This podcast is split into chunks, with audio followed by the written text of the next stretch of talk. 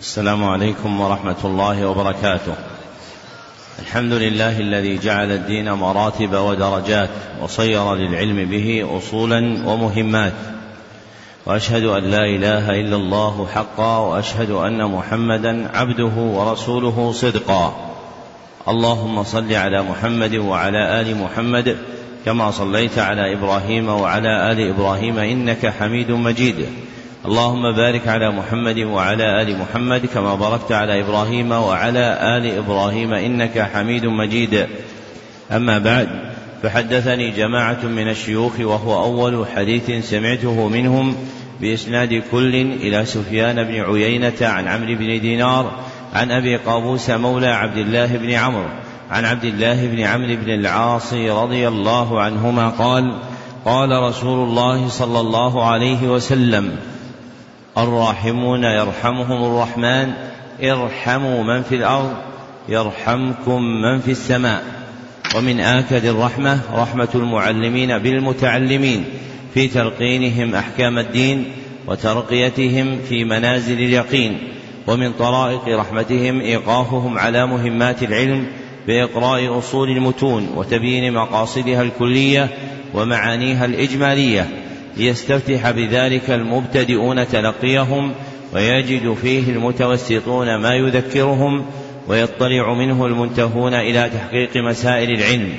وهذا المجلس الثاني في شرح الكتاب العاشر من برنامج مهمات العلم في سنته الخامسة خمس وثلاثين بعد الأربعمائة والألف وهو كتاب المقدمة الفقهية الصغرى. وانتهى بنا بيان معانيه إلى المسألة الرابعة المذكورة في فصل المسح على الخفين.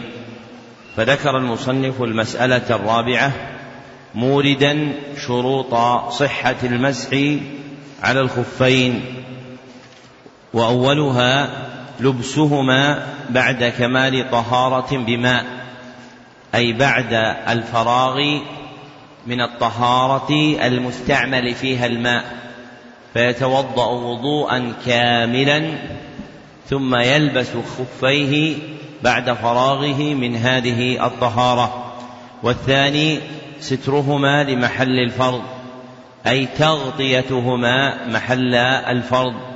ومحل الفرض هو المتقدم ذكره في الغسل وهو غسل القدم حتى يشرع في الساق ويدخل كعبه في قدمه التي يغسلها فيكون الكعب داخلا في محل الفرض الذي يجب ستره.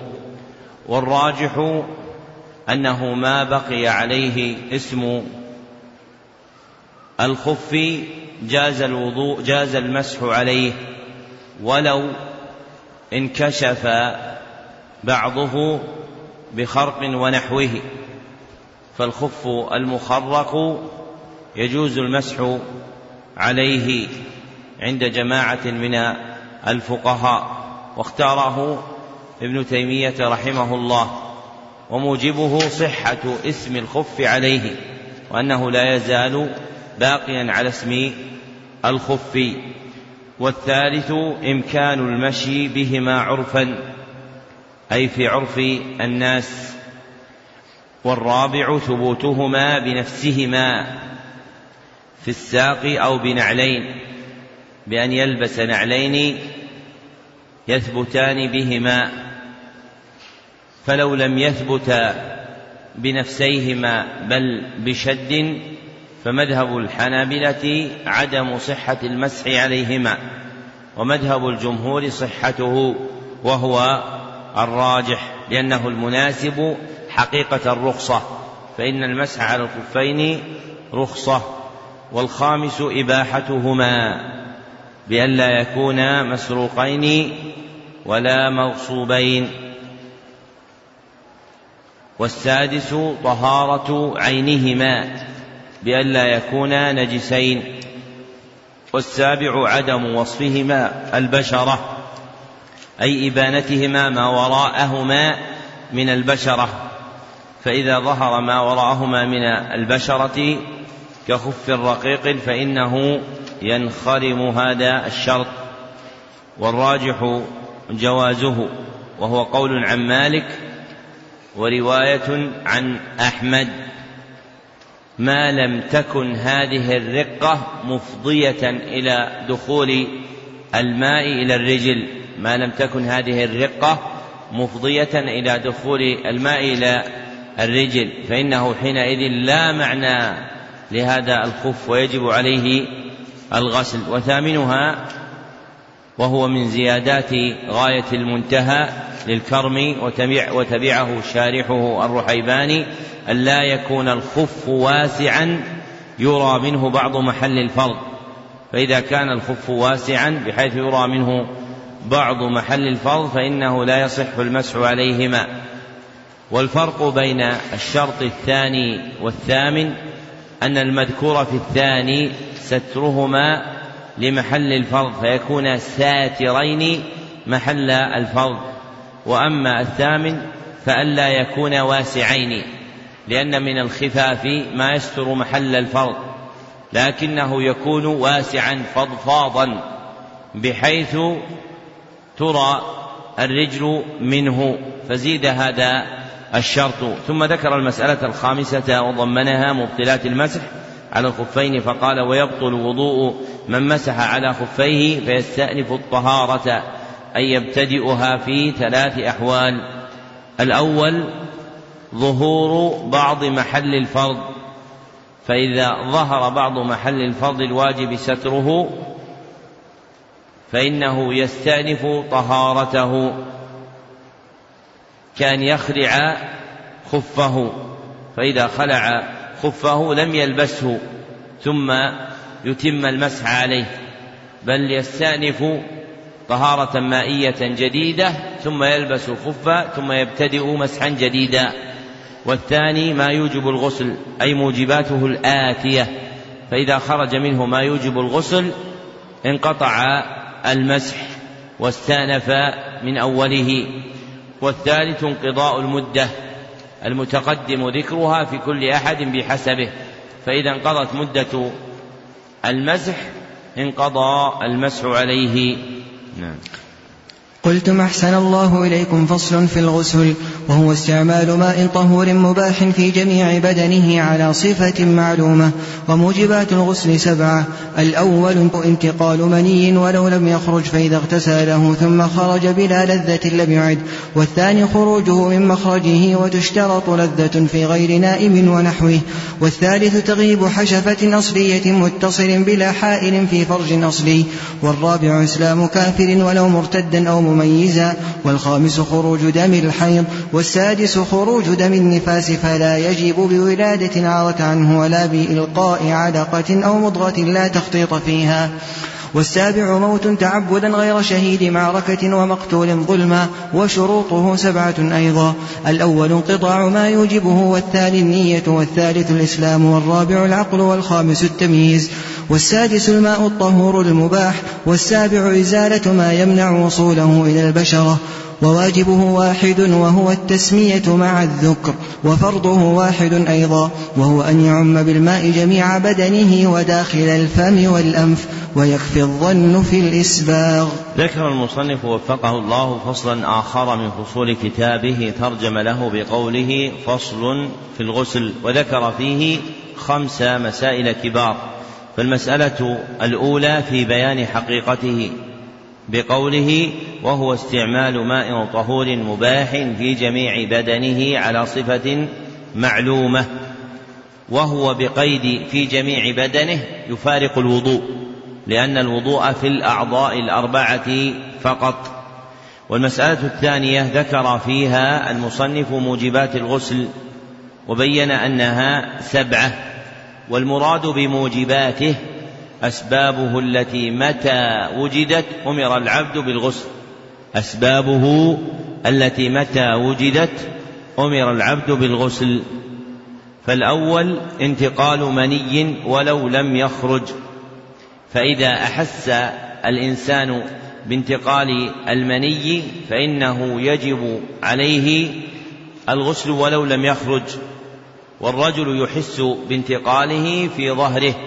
والمرأة تحس بانتقاله في ترائب صدرها فلا, فلا فإذا وجد الشعور بخروجه لكن لم يخرج سمي هذا انتقالا وهو من موجبات الغسل عند الحنابلة والراجح عدم وجوبه وهو مذهب الجمهور فلو أحس ولم يخرج منه مني لم يجب عليه الغسل والثاني خروجه من مخرجه.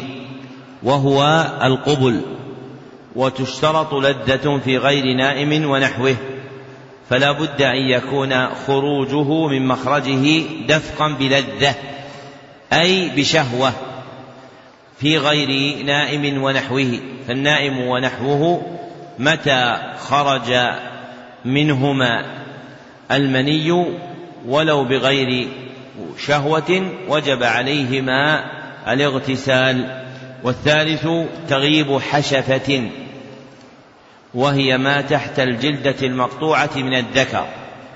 ما تحت الجلدة المقطوعة من الذكر أصلية متصلة لا منفصلة بائنة من الجسد بلا حائل أي بالإفضاء مباشرة.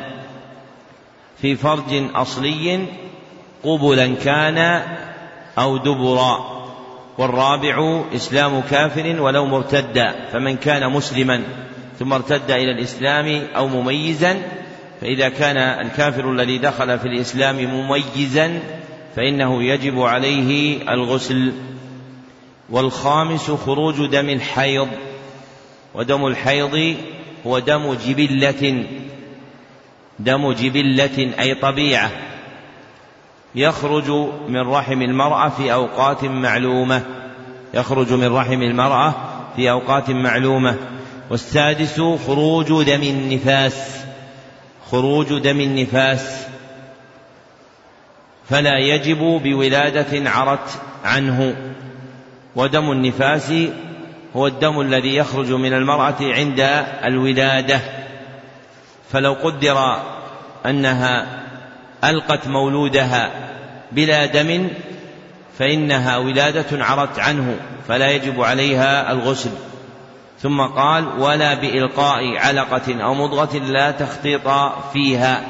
أي إذا ألقت علقة أو مضغة لا تخطيط فيها لم يجب الغسل. والعلقة هي قطعة الدم والمضغة هي قطعة اللحم من الجنين. والسابع موت تعبدا. أي لا تعقل علته. فالموت من أسباب الغسل لكن لا علة مضبوطة أوجبت الغسل عند الموت. فما لا تعقل علته هو ما أمر به دون معرفة معنى الأمر فيه. هو ما أمر به دون معرفة معنى الأمر فيه. ويسمى حكما تعبديا. ويسمى حكما تعبديا أي لا علة له معقولة. ويستثنى من ذلك شهيد معركة ومقتول ظلما. فمن كان شهيد معركة أي قتيلا فيها أو مقتولا ظلما فلا يجب غسله. ثم ذكر المسألة الثالثة وفيها فروض الغسل. وبين أنها سبعة أيضا. الأول انقطاع ما يوجبه ما يوجبه وهي الأسباب المتقدمة فلا يشرع في غسله حتى ينقطع السبب الذي أوجبه. والثاني النية ثالث الإسلام والرابع العقل والخامس التمييز والسادس الماء الطهور المباح والسابع إزالة ما يمنع وصوله إلى البشرة وتقدم القول فيها. ثم ذكر المسألة الرابعة وفيها بيان واجب الغسل وهو واحد ذكره بقوله التسمية مع الذكر أي قول بسم الله مع تذكرها والقول في مشروعيتها هنا تابع للقول بمشروعيتها في الوضوء والقول بمشروعيتها هنا تابع للقول بمشروعيتها في الوضوء لاشتراكهما في رفع الحدث. ثم ذكر المسألة الخامسة وفيها بين فرض الغسل وأنه واحد وهو أن يعم بالماء جميع بدنه ومنه داخل الفم والأنف لأن الفم والأنف من جملة الوجه فينبغي أن يعممان بالغسل وذلك بالمضمضة والاستنشاق. ثم قال ويكفي الظن في الإسباغ. أي يكفي حصول الظن في عموم الماء فإذا غلب على ظنه أن الماء عم بدنه كفاه ذلك ولا يلزمه اليقين. نعم. قلتم أحسن الله إليكم فصل في التيمم. وهو استعمال تراب معلوم لمسح وجه ويدين على صفة معلومة وشروطه ثمانية. الأول النية والثاني الإسلام والثالث العقل والرابع التمييز والخامس استنجاء أو استجمار قبله. والسادس دخول وقت ما يتيمم له. والسابع العجز عن استعمال الماء إما لفقده وإما للتضرر بطلبه أو استعماله. والثامن أن يكون بتراب طهور مباح غير محترق له غبار يعلق باليد وواجبه التسمية مع الذكر وفروضه أربعة. الأول مسح الوجه والثاني مسح اليدين إلى الكوعين والثالث الترتيب والرابع موالاة بقدرها في الوضوء. ويسقطان مع تيمم عن حدث أكبر. ومبطلاته أربعة. الأول مبطل ما تيمم له. والثاني خروج الوقت. والثالث وجود ماء مقدور على استعماله بلا ضرر. والرابع زوال مبيح له. عقد المصنف وفقه الله فصلا آخر من فصول كتابه ترجم له بقوله فصل في التيمم. ذكر فيه خمس مسائل من مسائله الكبار. فالمسألة الأولى بيان حقيقته وهي المذكورة في قوله وهو استعمال تراب معلوم لمسح وجه ويدين على صفة معلومة.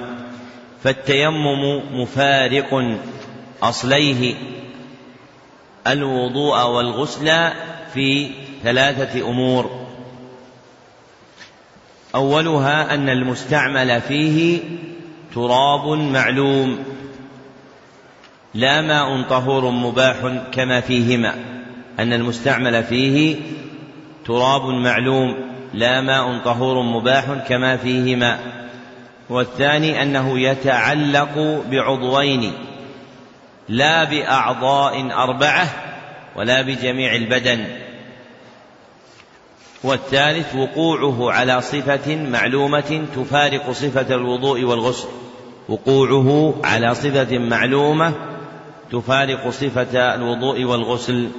ثم ذكر المسألة الثانية وفيها بيان شروط التيمم وهي ثمانية الأول النية والثاني الإسلام والثالث العقل والرابع التمييز. والخامس استنجاء أو استجمار قبله أي قبل الشروع في التيمم بأن يفرغ من الاستنجاء والاستجمار قبل شروعه في التيمم وتقدم هو وما سبقه في شروط الوضوء. والسادس دخول وقت ما يتيمم له فلا يقدم التيمم لصلاة قبل وقتها فإذا أراد أن يتيمم لصلاة العشاء مثلا لم يتيمم إلا بعد دخول الوقت فإذا دخل الوقت تيمم. والراجح أنه لا يشترط ذلك. فلو تيمم قبل دخول الوقت وبقي على طهارته صح تيممه وهو مذهب أبي حنيفة. والسابع تعذر الماء لعدمه أو لعجز عن استعماله إما لفقده وإما للتضرر بطلبه أو استعماله. فإذا عدم الماء أو كان موجودا لكن عجز عن استعماله لتضرره به جاز له التيمم. والثامن أن يكون بتراب طهور مباح غير محترق له غبار يعلق باليد. وهذه هي صفة التراب المعلومة. وهذه هي صفة التراب المعلومة المشار إليها قبل بقوله استعمال تراب معلوم. فالمتيمم به هو التراب. واختار جماعة من الفقهاء أن كل ما كان من الأرض صح التيمم به ولو لم يكن ترابا وهو الراجح والله أعلم. وشروط تراب التيمم أربعة. وشروط تراب التيمم أربعة. الأول أن يكون طهورا لا نجسا ولا طاهرا. أن يكون طهورا لا نجسا ولا طاهرا.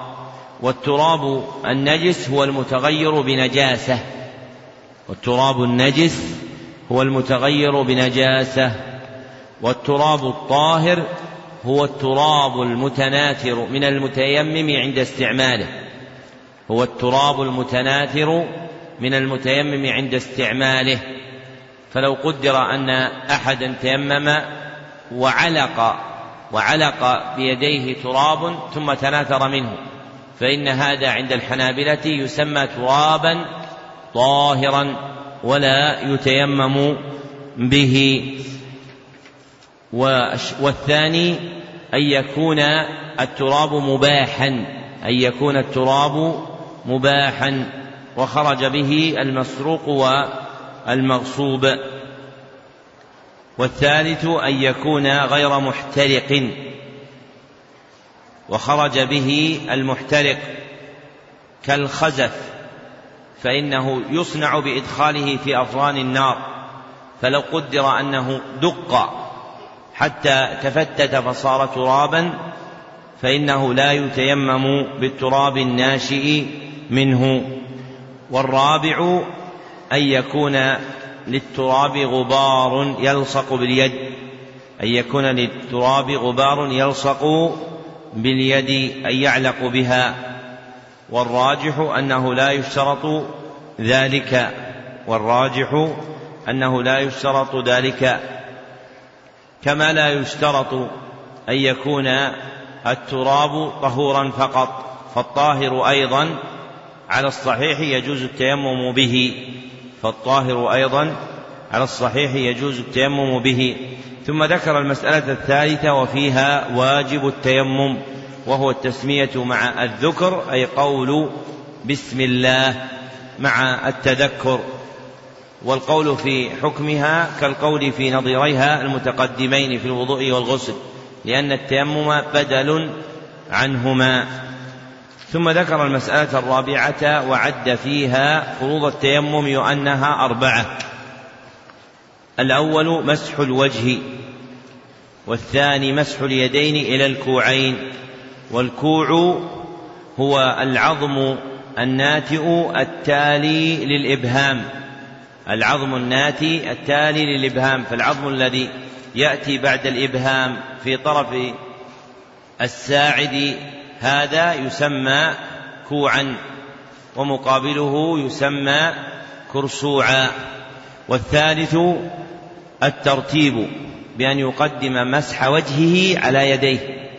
الترتيب بأن يقدم مسح وجهه على يديه والرابع موالاة بقدرها في وضوء أي بالقدر المتقدم ذكره في الوضوء بأن تكون في زمن اعتدال ويسقطان أي الأخيران مع تيمم عن حدث أكبر فلا يلزمه ترتيب ولا موالاة. فإذا كان التيمم بدلا عن الوضوء ففروضه أربعة. وإذا كان التيمم بدلا عن غسل ففروضه اثنان. ثم ذكر المسألة الخامسة وتتضمن بيان مبطلاته فذكر أنها أربعة. الأول مبطل ما تيمم له. مبطل ما تيمم له. كنواقض الوضوء وموجبات الغسل. كنواقض الوضوء وموجبات الغسل. فمثلا إذا كان التيمم لوضوء فإنه ينتقض بما ينتقض به الوضوء. والثاني خروج الوقت أي خروج وقت الصلاة التي تيمم لها. خروج وقت الصلاة التي تيمم لها. لأن من شرطه كما سبق عند الحنابلة دخول وقت ما يتيمم له. فإذا دخل وقت العشاء تيمم له. ثم إذا خرج وقت العشاء فقد بطل التيمم عند الحنابلة. واستثنوا من ذلك صورتين. الأولى من تيمم لجمعة ففاتته. من تيمم لجمعة ففاتته. فإنه يصلي الظهر بتيممه. فإنه يصلي الظهر بتيممه. والحنابلة يفرقون بين الجمعة والظهر فيجعلون كلا صلاة مستقلة. فليست الجمعة عندهم بدلا عن الظهر. والثانية إن نوى الجمع في وقت الصلاة الثانية من يباح له الجمع. إن نوى الجمع في وقت الثانية من يباح له الجمع. وقدم التيمم في أول وقت الأولى. فلو أن إنسانا في سفر تيمم للصلاة الأولى ثم عن له بعد أن يجمع معها غيرها. فنوى جمع العصر مع الظهر قبل دخول وقت العصر وهو يخالف قاعدتهم. فإنه عندهم يصح التيمم هنا لأن وقت الصلاتين في الجمع يصير وقتا واحدا فصلاة الظهر والعصر إذا جمعتا في سفر ونحوه صار وقتهما جميع وقت الصلاتين متصلا. والراجح عدم اشتراط هذا الشرط عدم صحة هذا المبطل وأن خروج الوقت لا يبطل به التيمم وهو مذهب أبي حنيفة. والثالث وجود ماء مقدور على استعماله بلا ضرر.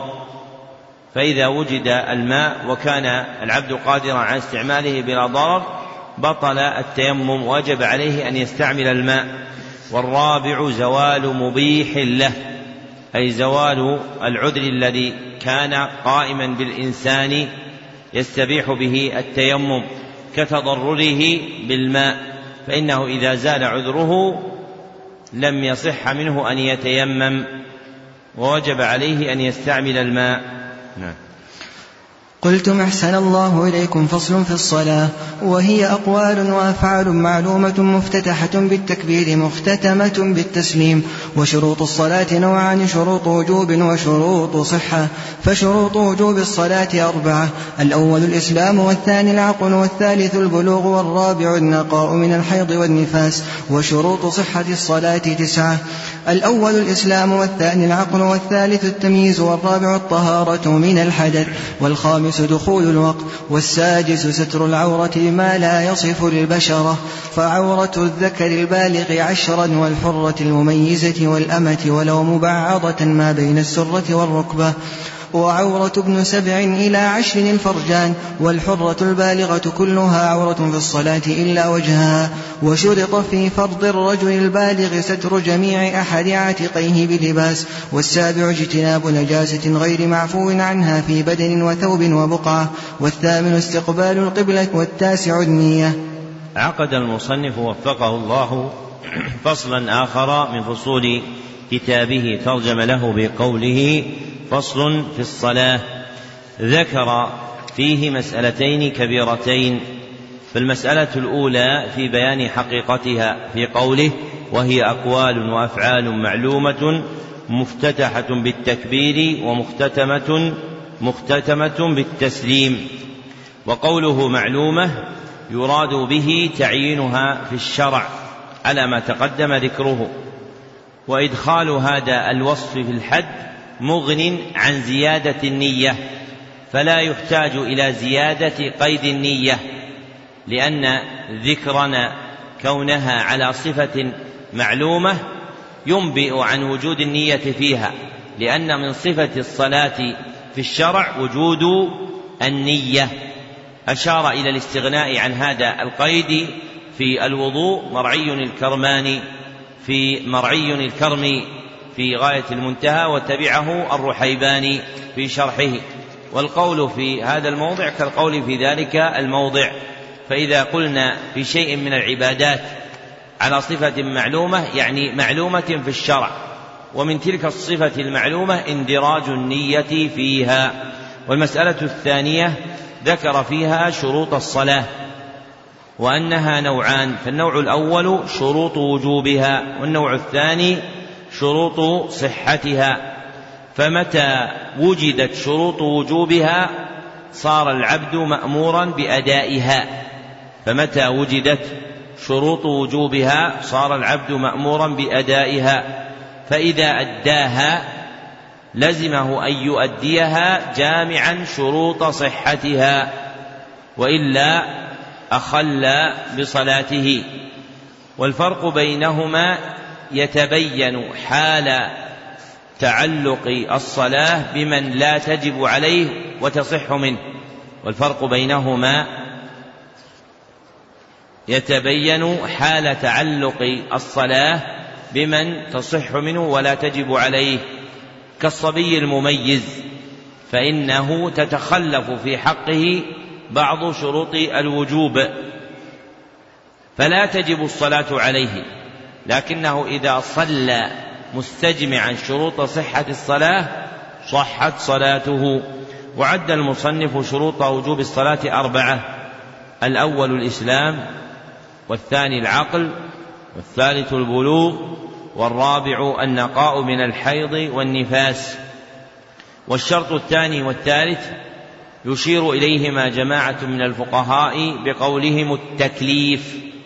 لأن المكلف هو العاقل البالغ والأولى العدول عنه لأن الحقيقة الاصطلاحية للتكليف ليست على أصول أهل السنة والجماعة في اعتقادهم كما سيأتي بيانه في شرح الورقات. فيكتفى بالوارد من ذكر البلوغ والعقل. والشرط الرابع من هذه الشروط مختص بالنساء. ثم ذكر شروط صحة الصلاة وأنها تسعة الأول الإسلام والثاني العقل والثالث التمييز والرابع الطهارة من الحدث بالوضوء والغسل أو بدليهما بالتيمم. فالحدث هنا يشمل نوعين. فالحدث هنا يشمل نوعين أحدهما الحدث الأصغر وهو كل ما أوجب وضوءا. الحدث الأصغر وهو كل ما أوجب وضوءا. والآخر الحدث الأكبر وهو كل ما أوجب غسلا. والخامس دخول الوقت أي لصلاة مؤقتة لها وقت معين. وأصل هذه الشروط أنها تتعلق بالصلوات الخمس المكتوبات. وكل صلاة منهن لها وقت كما سيأتي. والسادس ستر العورة بما لا يصف البشرة. والعورة الفرجان وكل ما يستحيا منه. والعورة الفرجان وكل ما يستحيا منه. والبشرة الجلدة الظاهرة. والذي لا يصفها هو ما لا تبين من ورائه. والذي لا يصفها هو ما لا تبين من ورائه فما كان غير موضح للون البشرة كان ساترا لها بما لا يصفها. أما إن ظهر لون البشرة وبان من وراء الثياب فإن الستر لا يتحقق. ثم بين المصنف ما يتعلق بهذه الجملة من العورات فذكر أن عورات الصلاة ثلاث. النوع الأول ما بين السرة والركبة. ما بين السرة والركبة. والنوع الثاني الفرجان. والنوع الثالث البدن كله إلا الوجه.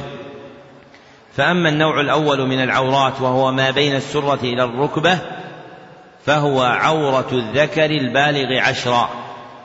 فهو عورة الذكر البالغ عشرا والحرة المميزة.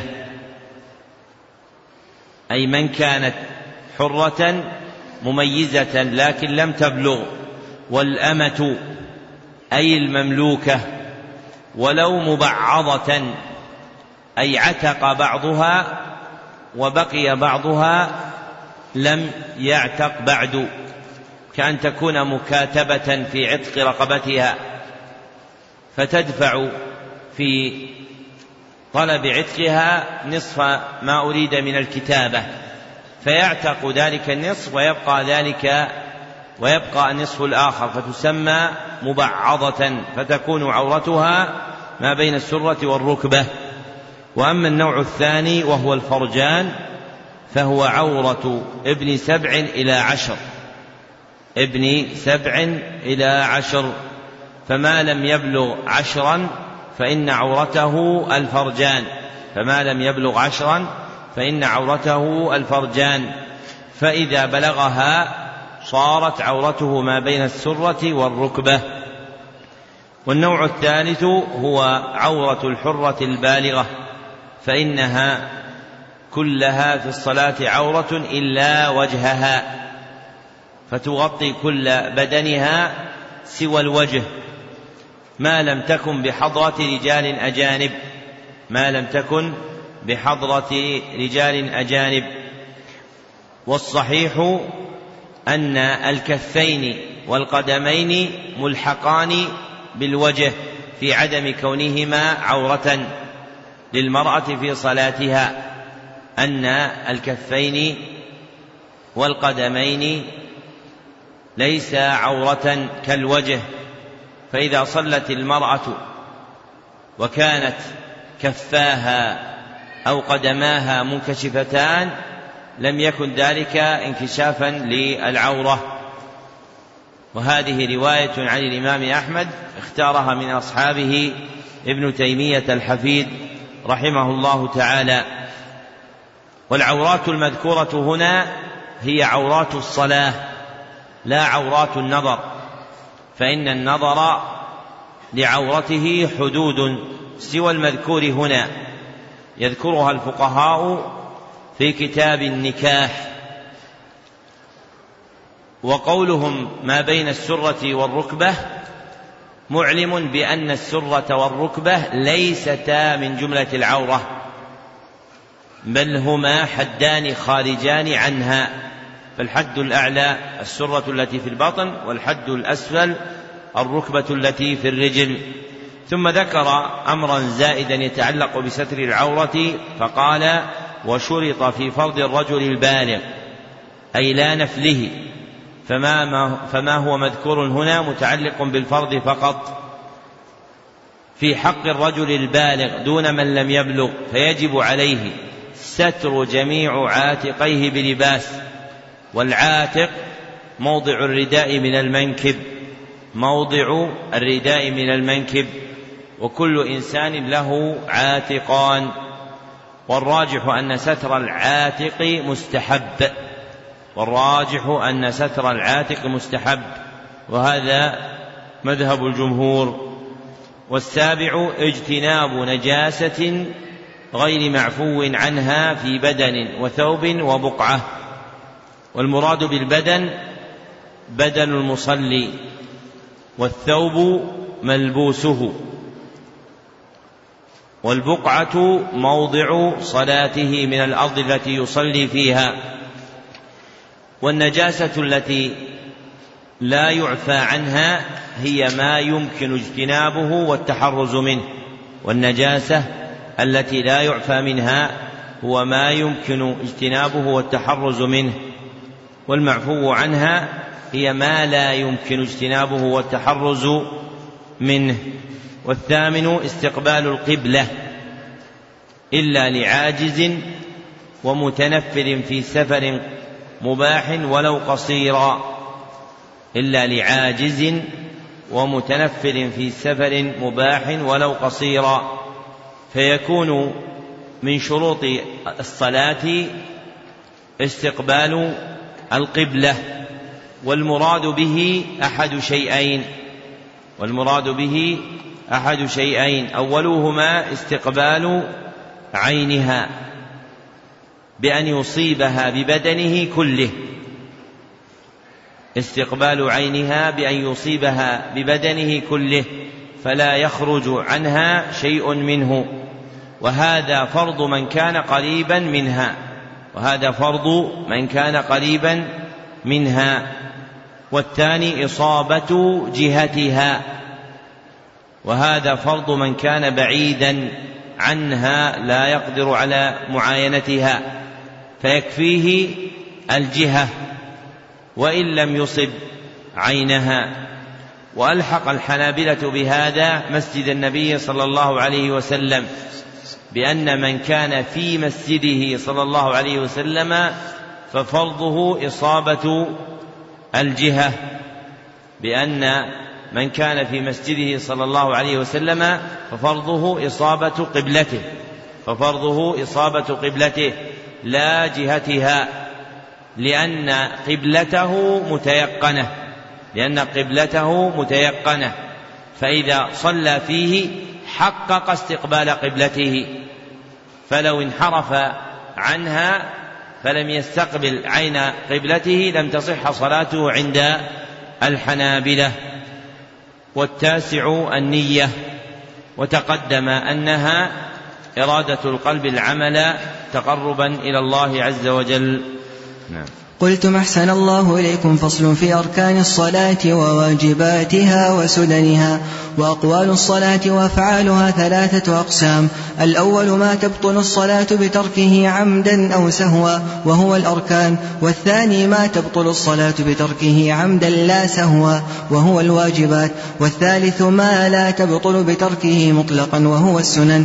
فأركان الصلاة أربعة عشر. الأول قيام في فرض مع القدرة والثاني تكبيرة الإحرام وجهره بها وبكل ركن وواجب بقدر ما يسمع نفسه فرض. والثالث قراءة الفاتحة والرابع الركوع والخامس الرفع منه. والسادس الاعتدال عنه والسابع السجود والثامن الرفع منه والتاسع الجلوس بين السجدتين والعاشر الطمأنينة والحادي عشر التشهد الأخير والركن منه اللهم صل على محمد بعدما يجزئ من التشهد الأول والمجزئ منه التحيات لله. سلام عليك أيها النبي ورحمة الله. سلام علينا وعلى عباد الله الصالحين. أشهد أن لا إله إلا الله. وأن محمد رسول الله. والثاني عشر الجلوس له وللتسليمتين. والثالث عشر التسليمتان. وهو أن يقول مرتين السلام عليكم ورحمة الله. ويكفي في النفل والجنازة تسليمة واحدة. والرابع عشر الترتيب بين الأركان. وواجباتها ثمانية. الأول, ترك الأول تكبير الانتقال. والثاني قول سمع الله لمن حمده لإمام ومنفرد. والثالث قول ربنا ولك الحمد لإمام ومأموم ومنفرد. والرابع قول سبحان ربي العظيم في الركوع. والخامس قول سبحان ربي الأعلى في السجود. والسادس قول رب اغفر لي بين السجدتين.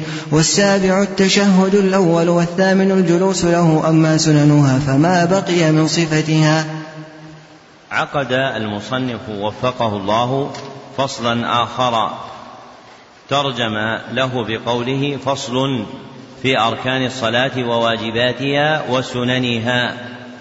فذكر فيه ثلاث مسائل كبار. الأولى بيان أن أقوال الصلاة وأفعالها ثلاثة أقسام. الأول ما تبطل الصلاة بتركه عمدا أو سهوا وهو الأركان فإذا ترك شيء منها. عمدا أو سهوا بطلت الصلاة. والثاني ما تبطل الصلاة بتركه عمدا لا سهوا وهو الواجبات. فإذا ترك عمدا بطلت الصلاة أو تركت سهوا لم تبطل وجبرت بسجود السهو. والثالث ما لا تبطل بتركه مطلقا وهو السنن. ثم ذكر المسألة الثانية وبين فيها أركان الصلاة فقال فأركان الصلاة أربعة عشر. الأول قيام في فرض مع القدرة وقيد الفرض مخرج لركنيته في النفل فالقيام ليس ركنا في صلاة النفل وله أن يصلي جالسا ولو دون علة. إذا كانت الصلاة نفلا والثاني تكبيرة الإحرام وهي قول الله أكبر في ابتداء الصلاة.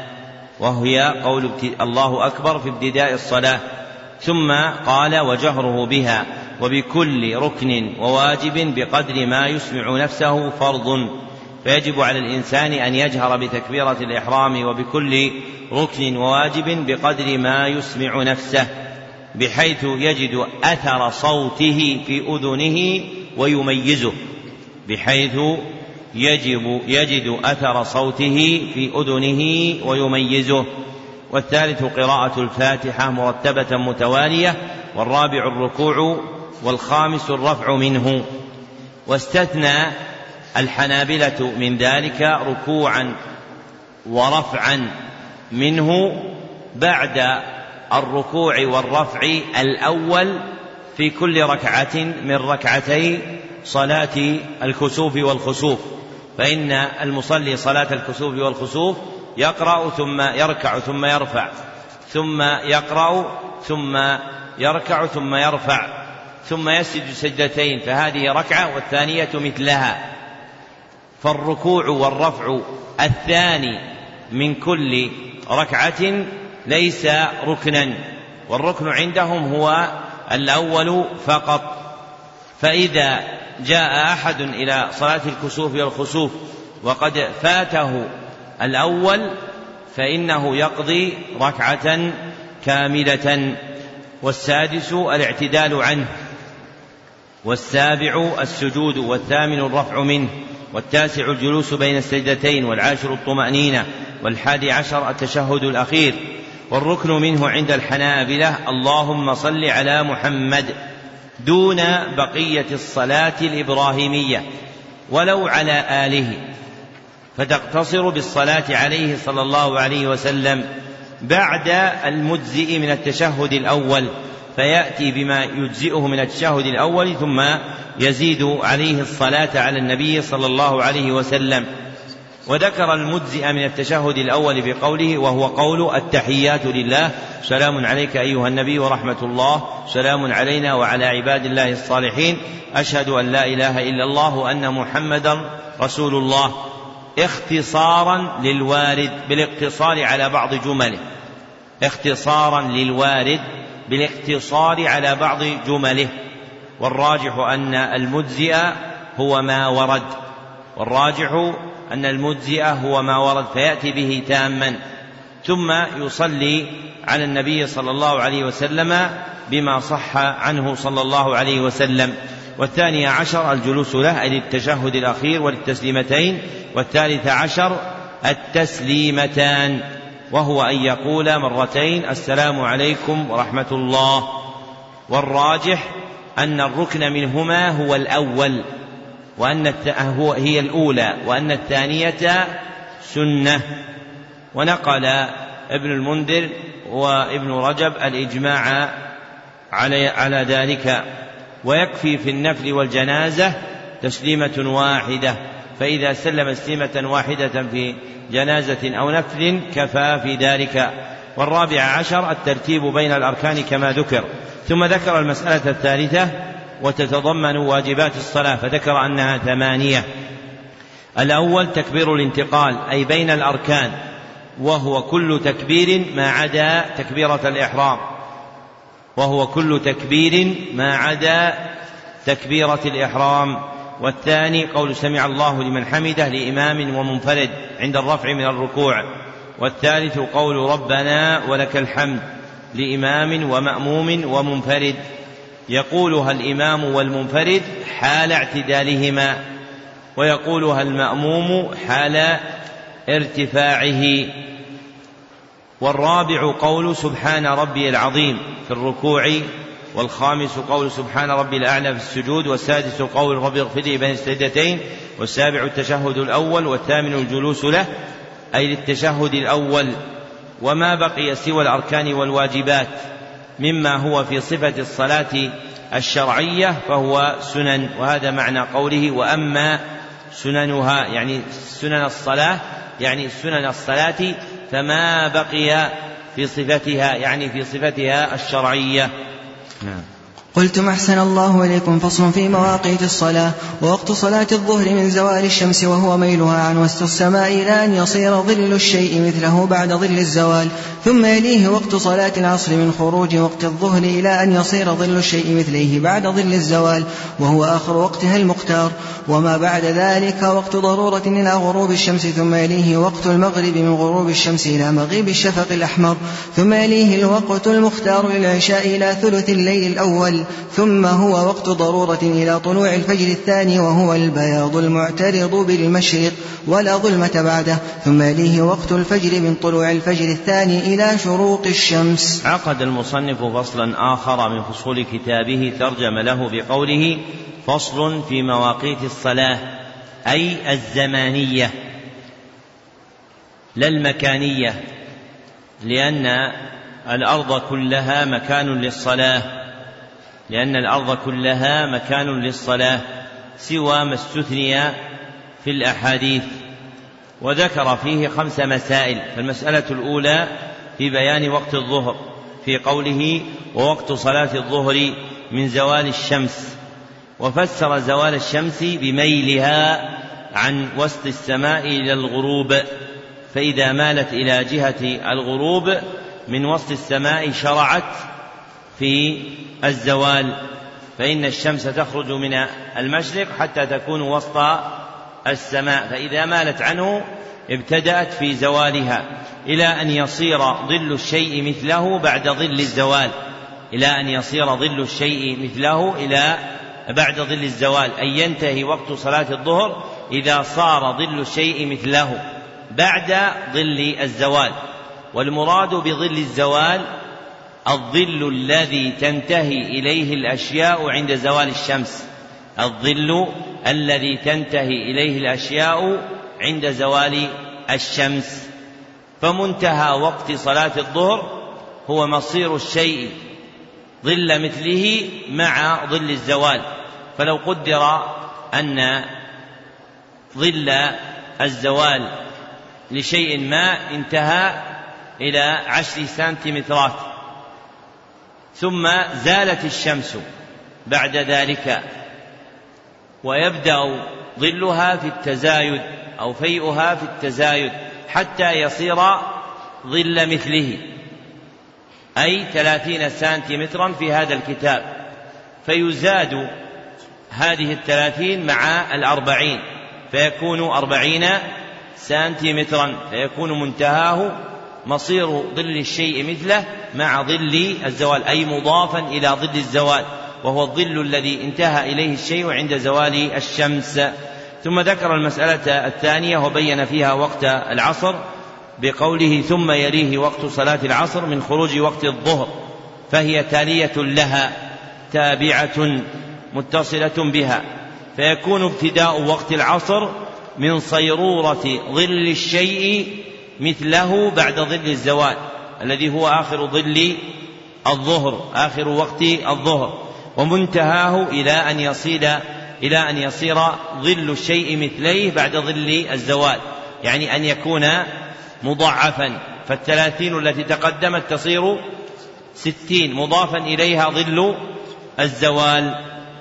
ثم قال وهذا آخر وقت وقتها المختار وما بعد ذلك وقت ضرورة إلى غروب الشمس. ووقت الضرورة ما لا يصلح لأدائها إلا لمن له عذر. ما لا يصلح إلى أداء لأدائها إلا من له عذر. فبعد مصير ظل الشيء مثليه مع ظل الزوال الوقت الكائن بعده يسمى وقت ضرورة. وهذا لا تؤدى فيه الصلاة إلا لمن كان له عذر. ثم ذكر المسألة الثالثة مبينا وقت المغرب فقال ثم يليه وقت المغرب من غروب الشمس إلى مغيب الشفق الأحمر. والأحمر صفة كاشفة للشفق فإن الشفق أحمر. فوقت صلاة المغرب بغروب الشمس وغروبها يتحقق بغياب قرصها. فإذا غاب قرصها فقد غابت الشمس وابتدأ وقت صلاة المغرب حتى ينتهي إلى مغيب الشفق الأحمر.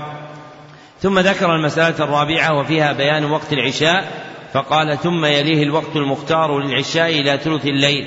فمبتدأه مغيب الشفق الأحمر إلى ثلث الليل.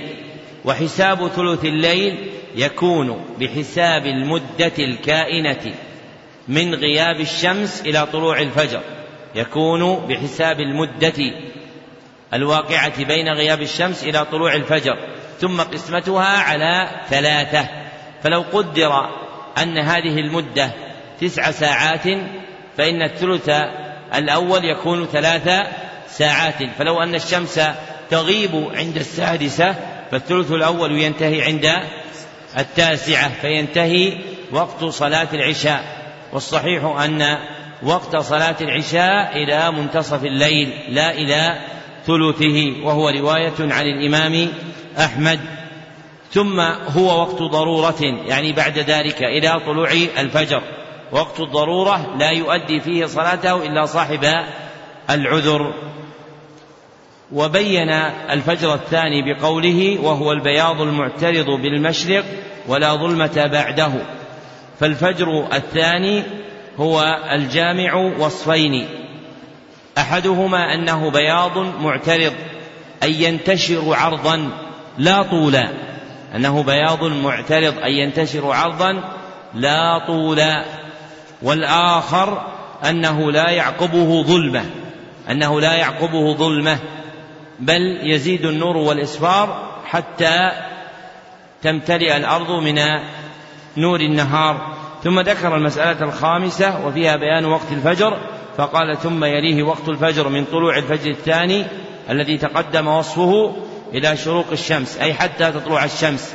فإذا طلعت الشمس انتهى وقت صلاة الفجر. نعم.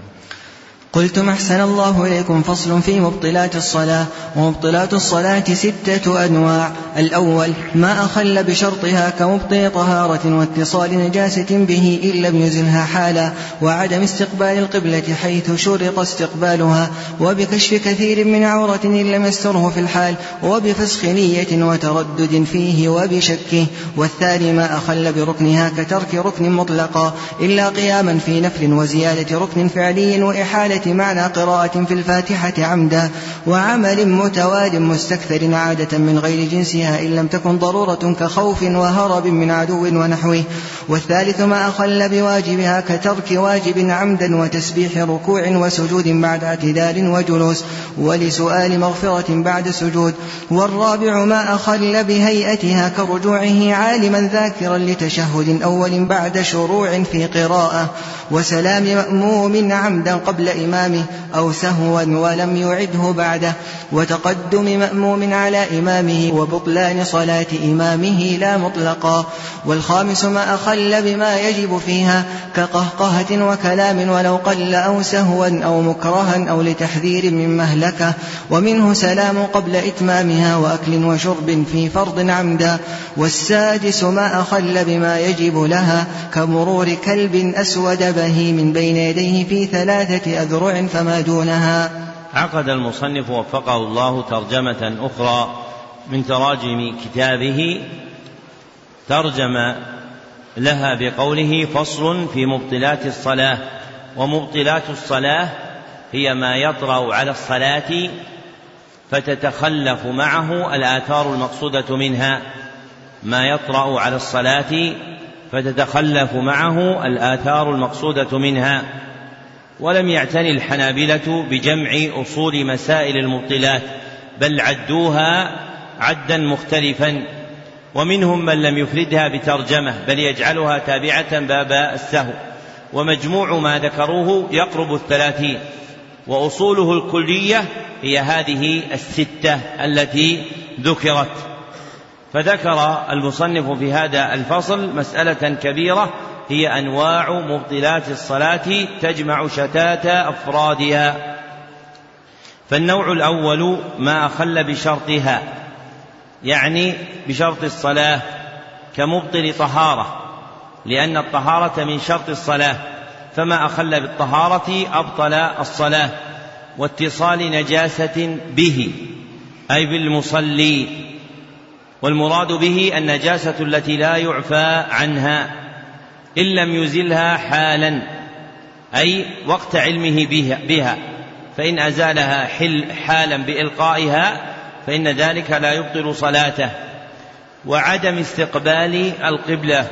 ثم ذكر المصنف في تتمة النوع الأول من المبطلات عدم استقبال عدم استقبال القبلة حيث شرط استقبالها أي لغير عاجز أو متنفل في سفر وبكشف كثير من عورة لا يسير فإن كشف اليسير لا لا يضر لكن كشف الكثير هو المبطل إن لم يستره في الحال فإن انكشف بنحو ريح في صلاته كشفت عن عورته ثم سترها فإن ذلك لا يبطل صلاته وبفسخ نية أي بإبطالها بأن ينوي الخروج من الصلاة فيعقد نيته على قطع صلاته فتبطل بذلك وتردد فيه أي تردد في الفسخ.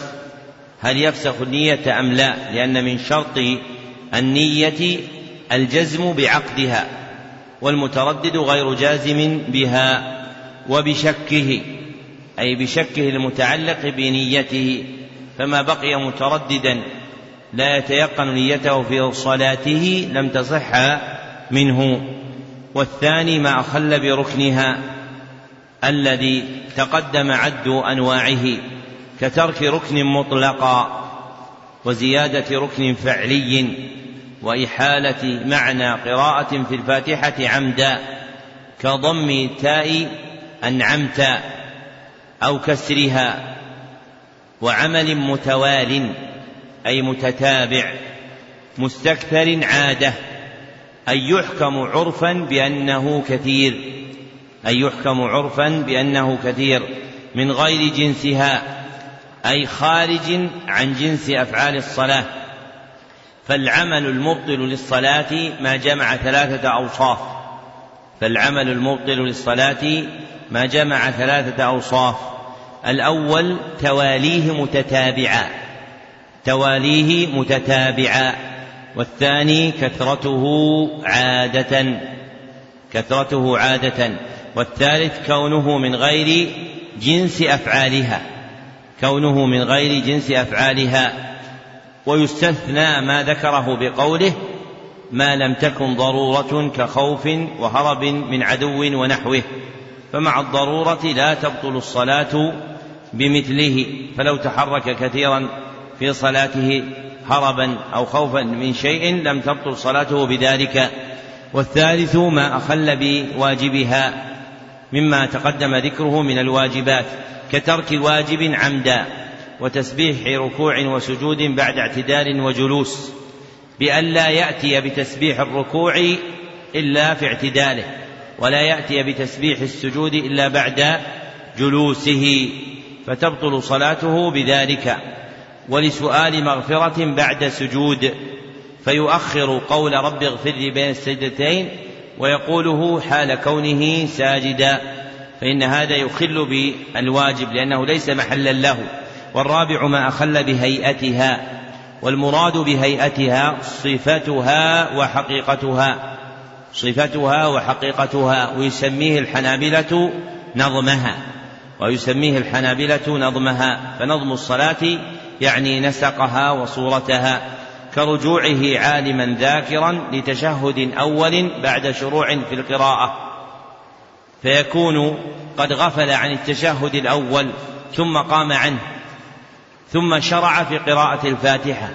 فإذا عاد فإنه عند الحنابلة تبطل صلاته وسلام مأموم عمدا قبل إمامه لأنه تابع له فلا يتقدم عليه أو سهوا ولم يعده بأن يسلم ساهيا قبل الإمام ثم يستمر على سهوه ولا يعيد تسليمه فتبطل بالصلاة بذلك.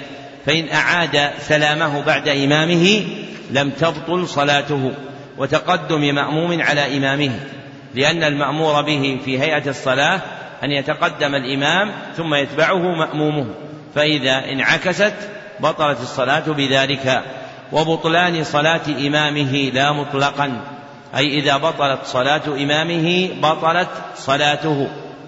لكن هذا المبطل ليس على وجه الإطلاق فهو أغلبي. إذ توجد صور لا تبطل فيها صلاة المأموم مع بطلان صلاة إمامه كقيام إمام عمدا إلى خامسة من رباعية وتسبيح المأمومين به وجلوسهم بعده فإنه هو تبطل صلاته بزيادته الخامسة عمدا وهم تصح صلاتهم. ثم ذكر المبطل الخامس بقوله ما أخل بما يجب فيها أي مما يتعلق بصفتها أي مما يتعلق بصفتها كقهقهة أي ضحك مصحوب بصوت وكلام فيها وسلام قبل إتمامها. ثم قال ولو قل أي الكلام أو سهوا أو مكرها أو لتحذير من مهلكة فالكلام كيفما كان عند الحنابلة مبطل للصلاة والصحيح أنه إن كان ساهيا فتكلم لا تبطل صلاته وهي رواية عن الإمام أحمد. وأكل وشرب في فرض عمدا قل أو كثر فإذا أكل أو شرب بطلت صلاته. وعفي عن يسير شرب في نفل طويل.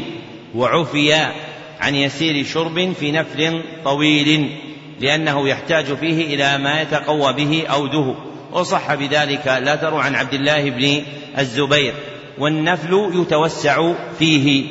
والسادس بما ما أخل بما يجب لها مما لا تعلق له بصفتها. وهذا هو المفرق بين الخامس والسادس. فالخامس عائد إلى ما يتعلق بصفتها وهذا عائد إلى ما لا يتعلق بصفتها كمرور كلب أسود بهيم أي خالص السواد بين يديه في ثلاثة أذرع أي في مسافة ثلاثة أذرع فما دونها إن لم تكن له سترة. فيحسب منتهى سجوده ثلاثة أذرع. فإذا مر الكلب الأسود البهيم فوق ثلاثة أذرع لم يكن ذلك مبطلا صلاته. فإن مر فيما دون ذلك فإن صلاته تكون باطلة. ونستوفي الفصل الأخير وهو فصل في سجود السهو بعد صلاة العشاء بإذن الله تعالى. والحمد لله رب العالمين وصلى الله وسلم على عبده ورسوله محمد وآله وصحبه أجمعين.